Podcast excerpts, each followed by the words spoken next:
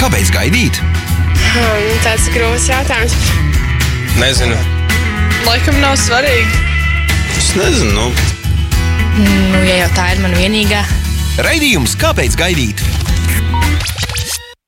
Labvakar, Latvijas kristīgā radio klausītāji! Vasara ir noslēgusies, un šovakar uh, es, Liena Bokmane, varu priecīgi atkal būt kopā ar jums uh, jaunajā sezonā, raidījumā Kāpēc gaidīt? Es ar jums būšu, kā jau ierasts pagājušajā sezonā, katru otro otrdienu, pulksten 6.05. Bet uh, mūsu raidījuma tiešraides būs katru otrdienu, un nākamnedēļ uh, jūs priecēs Dainis Pandars. Un, uh, mums gaida dažādas tēmas, dažādi viesi. Un, uh, šodien mēs uh, domāsim par to, kā puiši uztver meitenes. Un es domāju, ka mums ir svarīgi izprast vienam otru, un uh, mēs katrs esam unikāls un īpašs. Un, uh, bet katram, gan meitenēm, gan puišiem, ir kaut kas uh, kopīgs, gan uztverē, gan uzvedībā. Un, uh, tāpēc svarīgi ir paskatīties ne tikai uz sevi, bet arī uz citiem un izprast uh, šo otru dzimumu. Un šodien uh, uh, kā jau minēju, tēma ir kā puiši uztver meitenes. Un, man šo tēmu palīdzēs izprast, kāds puisis. Un, es varu iepazīstināt ar viņu. Viņš ir aktīvs katoļu jaunietis. Un, viņš studē ekonomikas un kultūras augstskolā. Un pats ļoti daudz kur iesaistās, pats organizē pasākumus un piedalās. Un, šovasar arī rīkojas vēceļojumu uz Meģugoriju. Un, uh, jā, es varu teikt, ka viņš ir ļoti plašs un atvērts jaunietis. Un uh, sveicu studijā Matīsu Dalbergu. Paldies, tev, Liena, gan par šo sveicienu, gan par nelielu izklāstu par mani, kā arī par uzaicinājumu. Es tiešām centīšos pastāstīt, kā no manas skatu punkta, Jā, kā no varētu citu pastāstīt. pušu skatu punkta, un arī kā baznīca skatās uz attiecībām jaunie, jauniešiem. Jā, varbūt pastāstīji vispirms, uh, kā, kā tu pats skaties uz attiecībām, ko tas tev nozīmē. Attiecības, manuprāt, ir milzīga. Tā tiešām liela dieva dāvana, ko Dievs dod. Bet attiecības ir ļoti, ļoti, ļoti, ļoti. Es pat nezinu, kā lai to pasakā. Attiecības ir kaut kas neaprakstāms vārdos, jo Dievs mums katram dzīvē ir devis vienu cilvēku. Vienu cilvēku, ar ko mums, kas ir mūsējais, ar ko mums ir jāpavada visu savu dzīvi. Un nevienmēr attiecības, pirmās attiecības, otrās attiecības, trešās attiecības ir īsās attiecības. Un nevienmēr mēs varam sagaidīt, kad mēs iepazīsimies, iemīlēsimies, viss būs lieliski. Un tā- tās puisis vai tā meitene būs īstais un visu mūžu. Nē, tā nebūs. Tā tiešām nebūs. Varbūt būs. Tas ir kā kuram, bet uz to arī jāsagatavojas. Bet Dievs mums dod lielu, lielu dāvanu. Viņš mums ir devis milzīgu dāvanu, tas ir savu dēlu, kurš, kurš mums tik daudz stāstījis par to, kā veidot attiecības gan savā starpā, gan pretējam dzimumam. Un kā tiešām to darīt pareizi un nesasteigti. Jo reizēm jauniešiem, tīpaši pušiem, tā tendence steigties. Steigties un gribēt visu pēc iespējas ātrāk. Attiecības mīlestība ir nesteidzīga, tā ir lēnprātīga. lēnprātīga. Tu, tas ir rakstīts Bībelē vairākas reizes, bet kamēr ir šīs rozā brilles, kamēr ir šī milzīgā iemīlēšanās, tas aizmirstās. Kā varbūt, uh, ko, tu- ko tu ieteiktu, kā to neaizmirst? ir ļoti, ļoti labi, ja abi attiecību partneri ir kristieši. Tas ir milzīgs ieguvums attiecībām, bet nevienmēr tas ir tas, kas ir vajadzīgs. Jo mēs ar attiecībām, es kā puisis satiekot meiteni, kur nav kristieta, es arī ar savu dzīvi, ne tikai ar vārdiem, jo vārdi, vārdi pastāst, nu, viņi aizmirstās, bet ar savu dzīvi mēs varam liecināt par to, kas mēs esam. Ar savu attieksmi pret meiteni, ar savu attieksmi pret attiecībām, ar to, kā kā jau minēji, kā mēs uztveram meitenes, ar to mēs varam, mine, ar to mēs varam parādīt, ko mums nozīmē pretējais dzimums. Tāpat arī, cik ļoti Dievs mūs mīlēja, ka Viņš bija gatavs darot visu par mums. Un, manuprāt, arī attiecībās ir viena, viens otram jādod sev pilnībā. Jādod sev emocionāli, jāuzsver otram cilvēkam, tad tikai var gaidīt to, to atpakaļējošo saikni un to mīlestību, kuros saglabāties visu mūžu. Bet sākumā es nedaudz novirzījos no tēmas, kā, kā pārvarēt šo iemīlēšanos un rozā brilles, manuprāt, ir nepazust no pasaules. Palikt, palikt tur, kur tu biji pirms iemīlēšanās, komunicēt cilvēkiem, ar kuriem tu komunicēji pirms tam, nenorobežoties no visiem un, uh, un nepavadīt tikai ar savu otro pusīti laiku. Mm -hmm. Varbūt pastāstīji, tu noteikti arī esi novērojis, kā, kā meitenes uztver vai ne. Un, varbūt ko tu meitenēs vērtētu visaugstāk, ko tu meitenēs ieraugi, kas tev piesaista? Protams, satiekot meiteni, pirmais, ko mēs ieraugām, puikas, meitenes, meitenes puišos, tas ir tēls. Tas ir izskats, tas ir, tas ir kultūra, tas ir kā, kā, kā vispār skatās uz pasauli. Bet tas, ko es visvairāk meitenēs vērtēju, ir neviltota attieksme, neviltota rīcība tādās mazās situācijās, kad cilvēki nedomā, ko viņi dara, viņi to dara automātiski. Un darot automātiski lietas, cilvēks neko no sevis neuzspēlē. Cilvēks neko ko neuz, neizliekās. Cilvēks ir patiess. Un tieši šī patiesība ir līdzīga kā maziem bērniem. Mazi bērni arī, ja viņiem negaršos tas, ko mamma ir pagatavojusi, viņš pateiks, man negaršo, vai es neēdīšu. Pieaugušiem, ja, protams, viņi no savas pagātnes, viņi ir daudz kur iemācījušies, un viņi saprot, ir lietas, ko vajag teikt un ko nevajag teikt. Bet bērni patiesi. Un, un, un man ļoti patīk meitenei sastīt šo patiesumu, un tā arī es izvērtēju, nu, vai ar šo meiteni. Vai šo meiteni ir vērts komunicēt, un ir vērts kaut kādā veidā draudzēties, vai pat nav, vai pat nav vērts kaut kādā veidā savu laiku, savu laiku veltīt cilvēkam, kurš nav ieinteresēts tajā brīdī mainīties, kurš nav ieinteresēts tajā brīdī kaut kādā veidā mm, pakļaut sevi diskomfortam un izkāpt no komforta zonas. Jo, lai cilvēks mainītos, Eh, ļoti svarīgi ir um, tas, ka cilvēks to vēlās.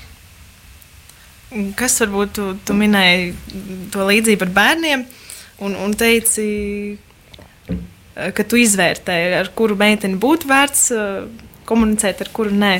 Kā tu īsti to izvērtēji? Ar, ar kuru tu varbūt nebūtu ieinteresēts, un ar kādu atkal tu būtu? Varbūt kaut kādus piemērus. Saprotu, es to domāju drusku savādāk, varbūt kā tu tā pārprati.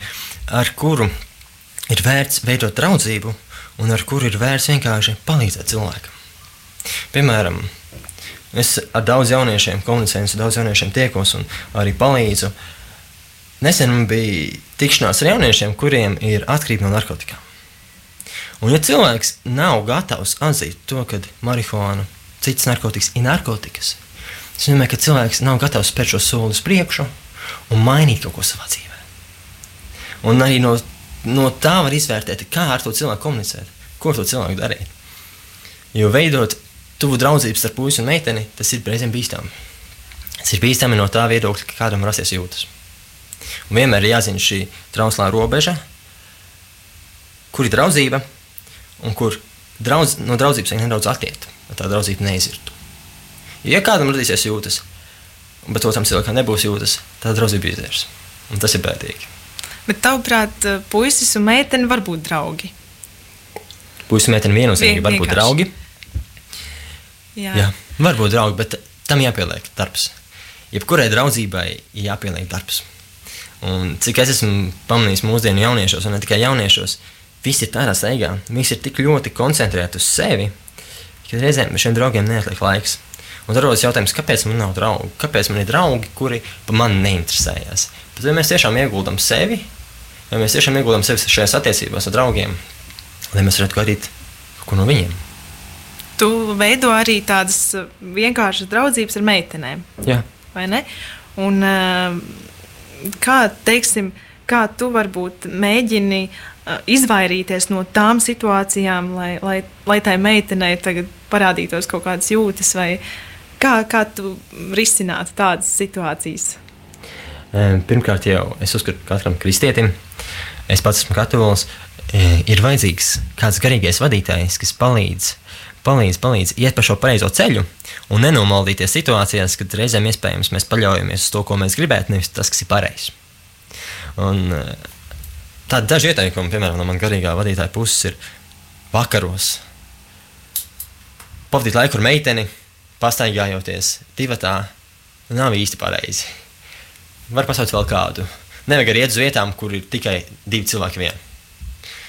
Tomēr šis, šis cilvēciskais faktors var spēlēt virsroku, un tas ļoti, ļoti var kaitēt draudzībai. Jo, nu, cik no manas pieredzes es pamanu, ka meitenēm pret puišiem nu, rodās jūtas ātrāk nekā otrādi. Un spēlēties cilvēku jūtām, tas ir ļoti, ļoti, ļoti bīstami. Es arī biju, kā jau minēju, Meģigorē, un sprediķēju svētrunā um, stāstiem priesteris par to, ka mūsdienu sabiedrībai meitenes ir kļuvušas tādas kā spēļmans puišiem. Puiši saprot, ka meitene ir viegli iegūstama, viegli ar viņu komunicēt un paspēlējis, sa sajūt to vajadzību sajūtu, kad meitenei tu esi vajadzīgs. Tā, protams, ir patīkami sajūta, ka katram cilvēkam tas ir vajadzīgs. Viennozīmīgi, mēs katrs esam cilvēks, mēs katrs augstam pēc mīlestības. Un puiši vienkārši aiziet, bet meitene paliek sagrauta. Tas pats arī ir otrādi, bet tas ir daudz, daudz, daudz retāk. Tādēļ ir ļoti svarīgi izvērtēt, vai šis cilvēks ir tiešām tas cilvēks, ar kuru tu redzi savā nākotnē, kuru tu redzi kā savu vīru, kā savu sievu, jau attiecību sākumā. Piemēram, es personīgi nekad nedraudzētos ar meiteni, nekad nevietotu attiecības ar meiteni, ja es viņu nesaredzētu nākotnē kā savu bērnu māti. Tas ir tā, sākumā tas ļoti pārgalvīgi, tu iepazīsti meiteni, tu vai arī iepazīsti puisi, un, un tu, jau, tu jau skaties viņu kā savu bērnu māti vai savu bērnu tēvu.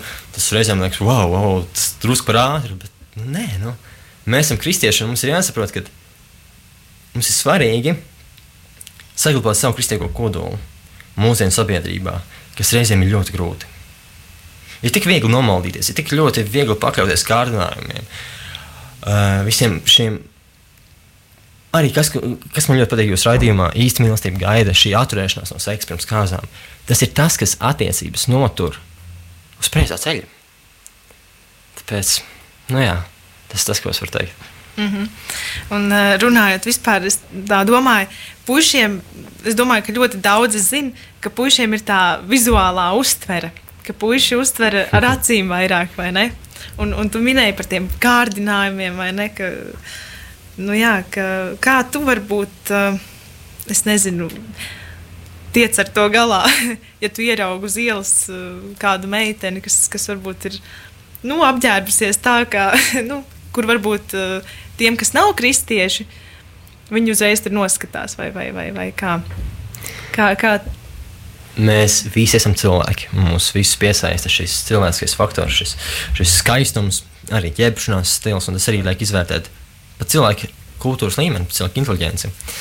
Bet sākumā jau ir šis pirmais iespējas, ir šī doma, ir šis, šis piemēram, ja es ieraugu meiteni, kur varbūt ir apģērbusies tā, kā viņai nevajadzētu apģērbties publikas priekšā, tad tas vēl man nav grēks.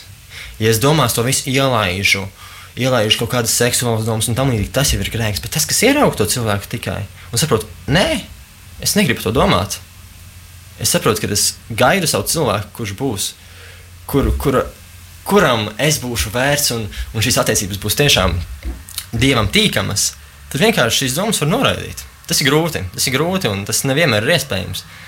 Bet, ja tā padomā, ir ļoti svarīgi pavadīt laiku ar sevi domās. Un, ja tā padomā par tām vērtībām, vai tiešām ir vērts pakļauties kaut kādiem mirkļu kārdinājumiem, ja saproti, ka Dievs tev devis cilvēku, vienu cilvēku, kurš tev paredzēja savai dzīvei. Vai tiešām ir vērts veidot attiecības ar kādu meiteni, kādu puisi,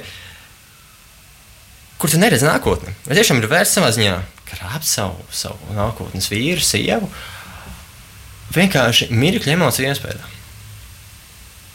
Un šajā jautājumā reizēm, kad pavadīju laiku klusumā, viņi dod atbildes uz visām neskaidrībām. Tas arī, nu, tu, kā, kā tu uh, sakārto savu laiku, lai, lai pavadītu klusumā. Tu katru dienu velti kādu laiku, tu, tu lūdz par, par to otru cilvēku, kā tas tev izpaužas. Protams, es katru dienu laiku veltu lūkšanu, laiku veltu lūkšanām un, un, un arī dodos uz baznīcu un svēto misiju, kas ir ļoti svarīgi. Šis evaharistijas sakraments un jēzus miesa, ko mēs varam pieņemt. Bet Man ļoti palīdz, kā jau iepriekš minēju, mans grīgais vadītājs, ar kuru es varu runāt par visu. Šis ir cilvēks, kas zina par manu dzīvi pilnīgi visu. Un tīri šis cilvēks var man palīdzēt ar citādiem no Bībeles, ar, ar, ar, ar ieteikumiem, jo ikdienas skriešanā laika trūkuma iespējā.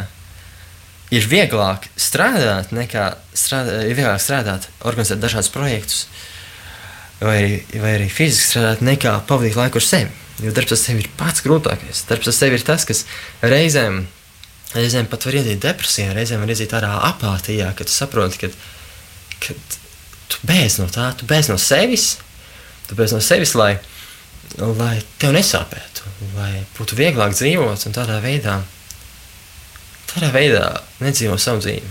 Bet esi vergs, esi vergs, um, esi vergs kaut kam tādam, kas tam neļauj dzīvot. Nu, jā. Jā. Teiksim, nu, jā, es kaut kā gribu, gribu atkal uh, atgriezties pie, pie, pie tās draudzības vienkārši tēmas. Uh, tu minēji, uh, nu jā, ka tu dari vis, visādi visādas lietas tu dari, tu organizē visu kaut ko, un, un, un tev ir vienkārši draudzības ar meitenēm. Un, un, uh, un ir tāda grāmata, Ceļš līdz laulībai. Un, un tur arī ir runāts par to, uh, ka, ka puišiem patīk tieši veidot šīs vienkāršās attiecības, ka, ka tu vari izprast otru cilvēku, un ka tu vari izprast tieši meitenes. Un, uh, un tur autore Nancija Van Pelta raksta tā. Eh, ka šāda sadraudzība zēniem ir tīkama. Tomēr viņi šo māsu, ko viņi tā kā mm, vienkārši, vienkārši draudzene sauc, nekavējoties pametīs, ja viņas jūtas sāks kļūt nopietnas. Ko te, teiksim, kā, kā tu uz to skaties? Vai, vai tu sagaidi no meitenēm? Teiksim, tavā, nu, ar tām, kurām tu vienkārši draudzējies, vai tu sagaidi, ka viņas uh, izrunās to, ja viņām sāk parādīsies jūtas, vai, vai ko tu sagaidi no meitenēm? Ja es veidoju draudzību ar meitenēm, man ir ļoti svarīga atklātība. Un man ir ļoti svarīgi tas, ka meitenes tiešām uzticās. Jo citādi tai draudzībai tāda īpaši liela jēga nav. Tas, ko tu minēji par to, ka līdz ko meitenēm rodas jūtas, puiši tā no tā distancējās. Jā, lielā mērā puiši ir gļēvi. Gļēvi, un viņiem ir bail. Tu esi to no, es pats arī to esmu pieredzējis, un es esmu novērojis no jauniešiem, kuriem esmu sastapies. Un arī saviem draugiem un draugiem, kurus ir dalījušies ar saviem pieredzes stāstiem. Jo, zini, reizēm, kad tu neesi iekšēji gatavs attiecībām, bet otrs cilvēks tev izrāda kaut kādas simpātijas, tu nobīsties, jo tu saproti, ka tu, tu nespēsi tam otram cilvēkam dot sev pilnībā, tu nespēsi sevi atklāt pilnībā, tu nespēsi izvērot šo emocionālo un garīgo saikni ar to cilvēku tikai tāpēc, ka tava pagātne neliek tevi mierā. Un tad arī rodas tā atkāpšanās no tā cilvēka, arī izvirst šīs draudzības, lai pasargātu sevi. Lai pasargātu sevi un neievainotu tas, kas iespējams sirdī vēl nav izsāpēts. Jā, mēs varbūt bieži vien domājam, ka vairāk par sevi nekā par citiem. Vai? Tā ir tā problēma. Mēs distancējamies no pasaules skriešanā, nepavadot laiku ar sevi. Tāpat laikā mēs esam egoisti, jo mēs saprotam, ka tā mums būs vieglāk. Priekš kā mums likt savu dzīvi plautiņiem, varbūt reizēm priekš kā mums tik ļoti iedziļināties Bībelē un pārējā visā, ja tas mums reizēm nav vērti. Ja mums ir vērti dzīvot, aiziet uz baznīcu, iet pie saviem kristīgiem draugiem, bet tā īpaši sevi neko nemainīt. Tas taču nav izdevīgi reizēm, tas nav vērti. Un reizēm tas nav vērti arī tas, kas rakstīts Bībelē. Nu, mēs esam tikai jaunieši.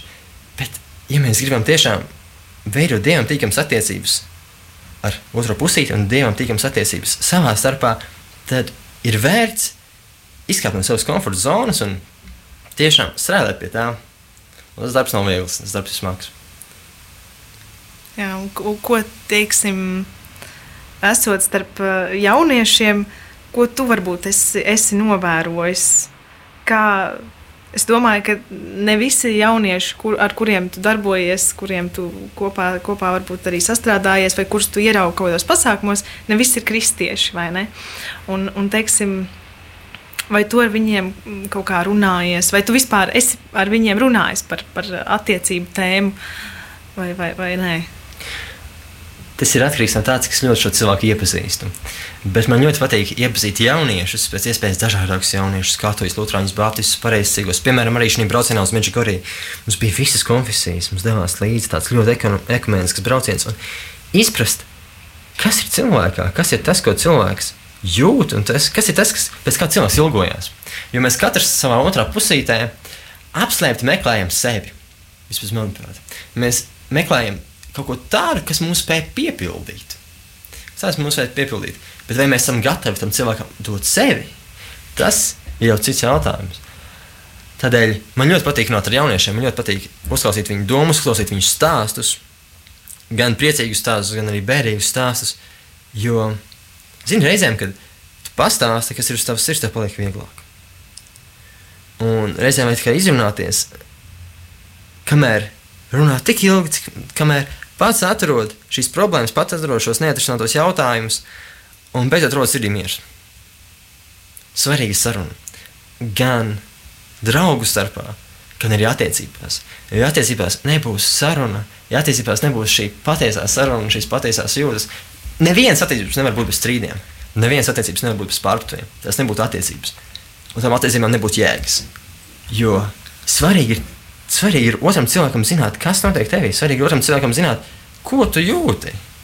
Bet reizēm, kā jau minēji, šo rozā brīvnīšu iespējā cilvēki pilnīgi zaudē prātu un, un pielāgojas otram cilvēkam tikai tāpēc, ka tas cilvēks varbūt ir fiziski pievilcīgs. Tam cilvēkam ir, uh, tam cilvēkam ir kaut kas tāds, kas tev nav, vai tas cilvēks kaut ko spēj piedāvāt. Un, tā. un tad, tad, tad rodas, rodas atkarība nevis no cilvēka, nevis no cilvēka personības, kas ir ļoti pozitīvi, bet rodas atkarība no tā, kas, no tā, kas neveido ilglaicīgas attiecības un kas, kas varbūt ir šķērslis kas pēc tam sagraus gan draudzību, gan arī attiecības nākotnē. Jo cik nelaimīgi kristieši ir apprecējušies un pēc tam sapratuši, ka nē, tās attiecības nebija pareizi, viņas netika pareizi veidotas, tam attiecībām nebija pareizi pamati. Un pēc tam jau, nu, pēc kādam jau nav iespēja, ka, nu, tu man nepatīs, mēs izšķirsimies. Nē, pēc tam tās attiecības ir jāturpina līdz mūža galam. Bet arī šis pirmais iespējas redzēt tik daudz rada tik ļoti daudz šī pirmie mēneša attiecībās, lai saprastu, vai tiešām tam cilvēkam ir gatavs veltīt visu dzīvi. Vai tiešām tas ir gatavs, ka Dievs būs jūsu starpā? Jo attiecībās nav Dievs, attiecībām nav jēga. Tad Dievs ir tas uh, pamats, kas ir. Dievs ir tas pamats. Sarunas par Dievu, sarunas, kā mēs izjūtam Dievu ikdienā, sarunas, kā, sarunas, kā mēs tiešām spējam evanģelizēt citiem. Jo arī attiecības tas ir ļoti forši, ja mēs ar savu piemēru, nevis ar daudz stāstiem, ar, ar kaut kādiem pieredzes stāstiem, arī to, ko es tagad stāstu. Tas aizmirstās, tas ienāk un aiziet, bet tas, ka cilvēki redz, redz, ka kristieši var būt laimīgi kopā.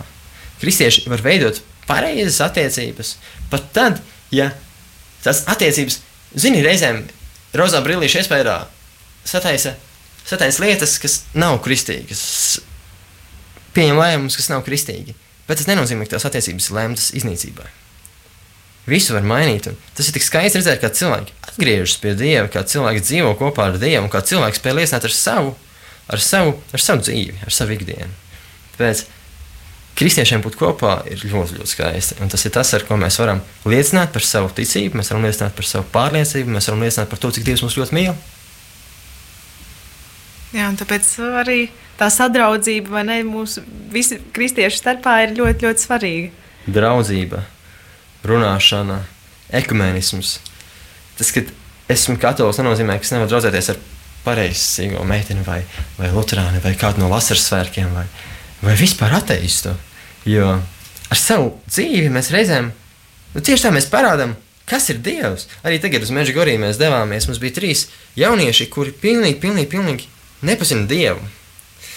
Un pēdējā vakarā, kad bija svētā mise, kad bija evaharistija, kad e, šo hostiju pārēja pa Jēzus miesu, viņi sajūta Jēzu, nometās ceļos un tiešām atdeva savu dzīvi viņam. Un arī parādot ar savu dzīvi, nekristiešiem ir vieglāk iepazīt ticību, nekā klausīties, dzirdēt, bet vienkārši redzēt to, redzēt no ikdienas. Jā pazīstot tevi un cik, cik es tevi pazīstu, tu vienmēr esi ļoti atvērts. Un, uh, un es tev gribēju pajautāt, uh, kā tu uz to skaties? Uh, vai atvērtība tas ir labi, vai tas tomēr nav tik labi? Jo, jo mēs reizēm zinām, ka mm, meitenēm varbūt uh, ka puisis pievērš uzmanību, viņām rodas kaut kādas cerības vai, vai kaut kas kaut nu, meitenēm rodas, vai ne kaut kādas domas. Un reizē meitenes to slēpj un, un negrib ar to dalīties. Kā tu, kā tu raksturot šo atvērtību, kā, kā puišu, puišu uh, raksturīpašību? Kā jau minējāt, ļoti, ļoti trausls, ļoti, ļoti trausls ceļš un ļoti, ļoti uzmanīgi jāveido šī draudzība meitenēm. Jo atvērtība ir, ir kaut kas ļoti labs. Atvērtība parāda to, ka man nav bail komunicēt, man nav bail parādīt to, kas es esmu. Un tādā veidā izdarot jaunu draudzību. Bet atvērtība lielā mērā, diezgan bieži starp puisi un meiteni var radīt jūtas vienam pret otru. Tādēļ. Bet tas arī nenozīmē, ka mums jābūt noslēgtiem pareizi. Ja mēs būsim noslēgti, mēs kļūsim par tādiem vienpatņiem, mēs kļūsim par tādiem, kuri, kuri, kuri vēl ar savu dzīvi varēs kaut ko parādīt. Bet atvērtība ir ļoti skaista. Ļoti, ļoti, tas ir kaut kas ļoti tāds, tā arī liela dieva dāvana, ka tu spēj runāt, ka tu spēj stāstīt cilvēkiem, ka tu spēj izvērot kontaktu ar jebkuru cilvēku. Bet darīt to pareizi, tas ir ļoti grūti. Tādēļ, ja vajadzīga šī formācija, ir vajadzīgs saprast, iedziļināties, iepazīt otru cilvēku sākumā, lai saprastu, kā tu to cilvēku var runāt, lai saprastu, cik tuvu tu to cilvēku sev var pielaist, lai tam cilvēkam nerastos kaut kādas cerības. Un nevienmēr to var noteikt. Un rodās, jā, man arī nereti vien ir radies, kad kāda meitene manī iemīlās. Un tad tas ir ļoti, ļoti grūti atstāt šo draudzību tā, lai tā draudzība neizirtu. Tādēļ atvērtība ir kaut kas ļoti labs, bet tas ir kaut kas ļoti uzmanīgs ar to ļoti, ļoti uzmanīgi. Tāpat kā uguns. Uguns ir ļoti skaista, uguns ļoti, mums dod siltumu, mums, mums turpina dzīvības. Bet arī, ja mēs ar to spēlējamies, arī mēs nespējam to savaldīt, tas var nodarīt kaitējumu, kas var iznīcināt mums pašus. Kur tad varbūt ir tās uh, robežas starp atvērtību un noslēgtību? Tā robeža ir jāizjūt. Tā robeža ir jāizjūt. Pavadot laiku ar sevi, saprotat, Kādēļ es draudzējos ar to meiteni, kādēļ es draudzējos ar to puisi, kāpēc esmu tik atvērts? Un arī saprotat, vai es esmu tiešām godīgi atvērts pret visiem cilvēkiem, vai esmu atvērts pret tiem cilvēkiem, pret kuriem man ir kaut kādas simpātijas.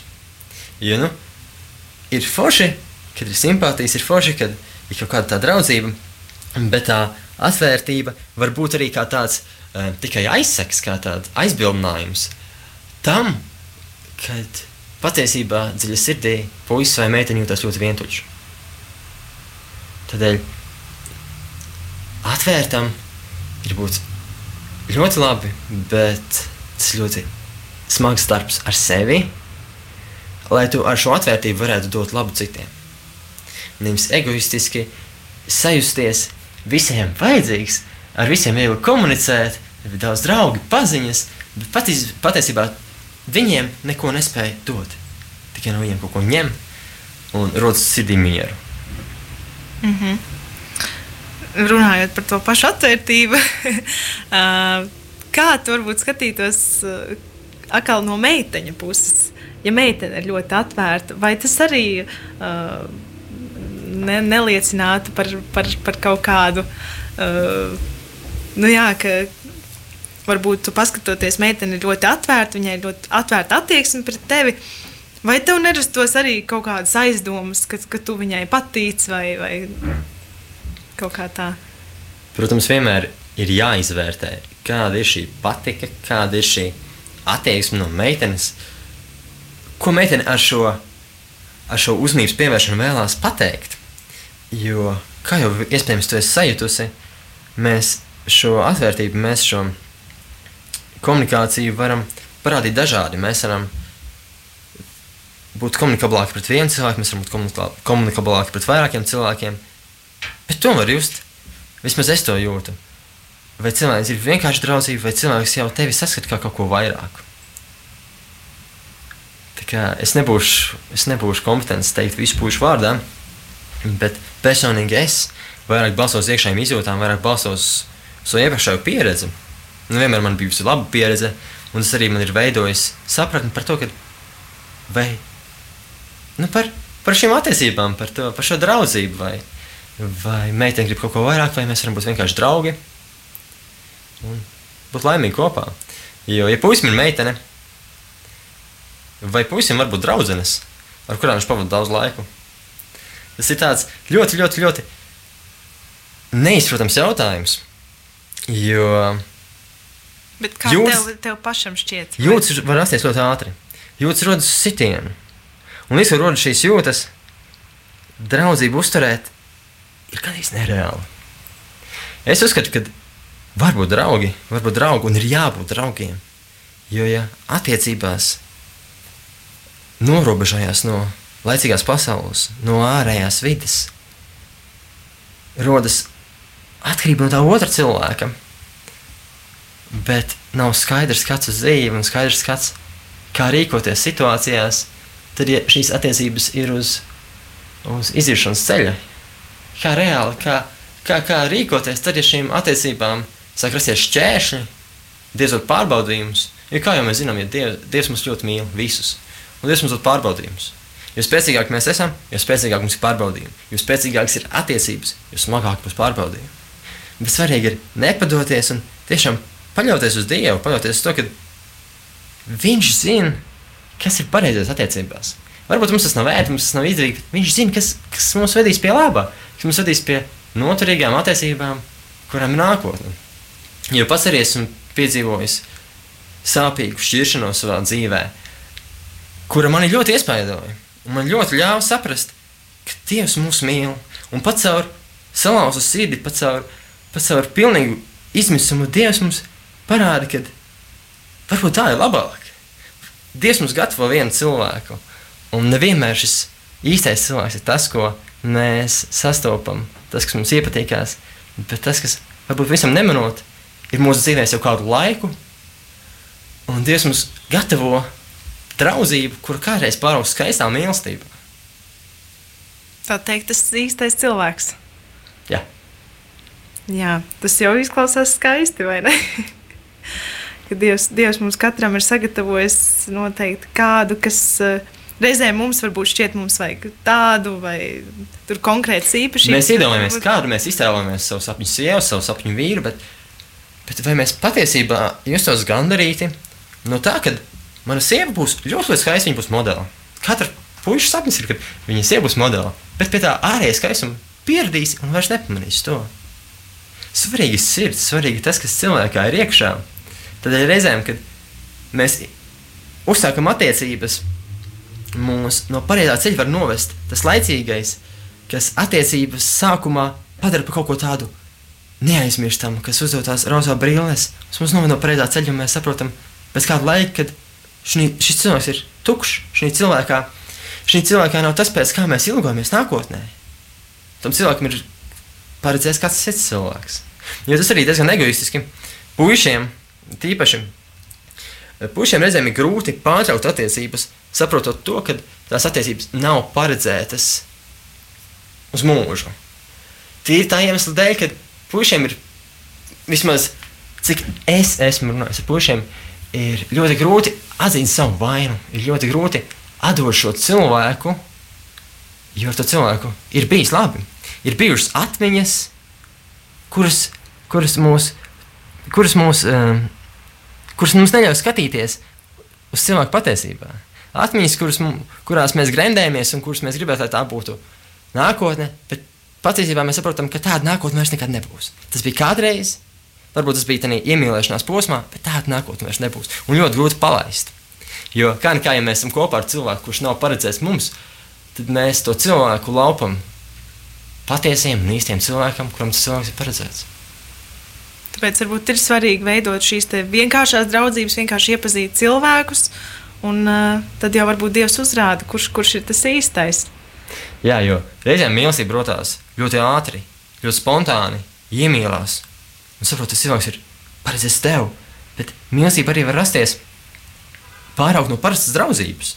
Pārāk no parastas draudzības, saprotot to, ka tas cilvēks ir tas, pēc kā tu ilgojies vienmēr. Tas cilvēks ir Dieva dots brīnums tavā dzīvē, un Dieva žēlastība, ko viņš ir izlējis, ir vienkārši neaprakstāma. Jā, tiešām. Mums jau lēnām raidījums tuvojas noslēgumam.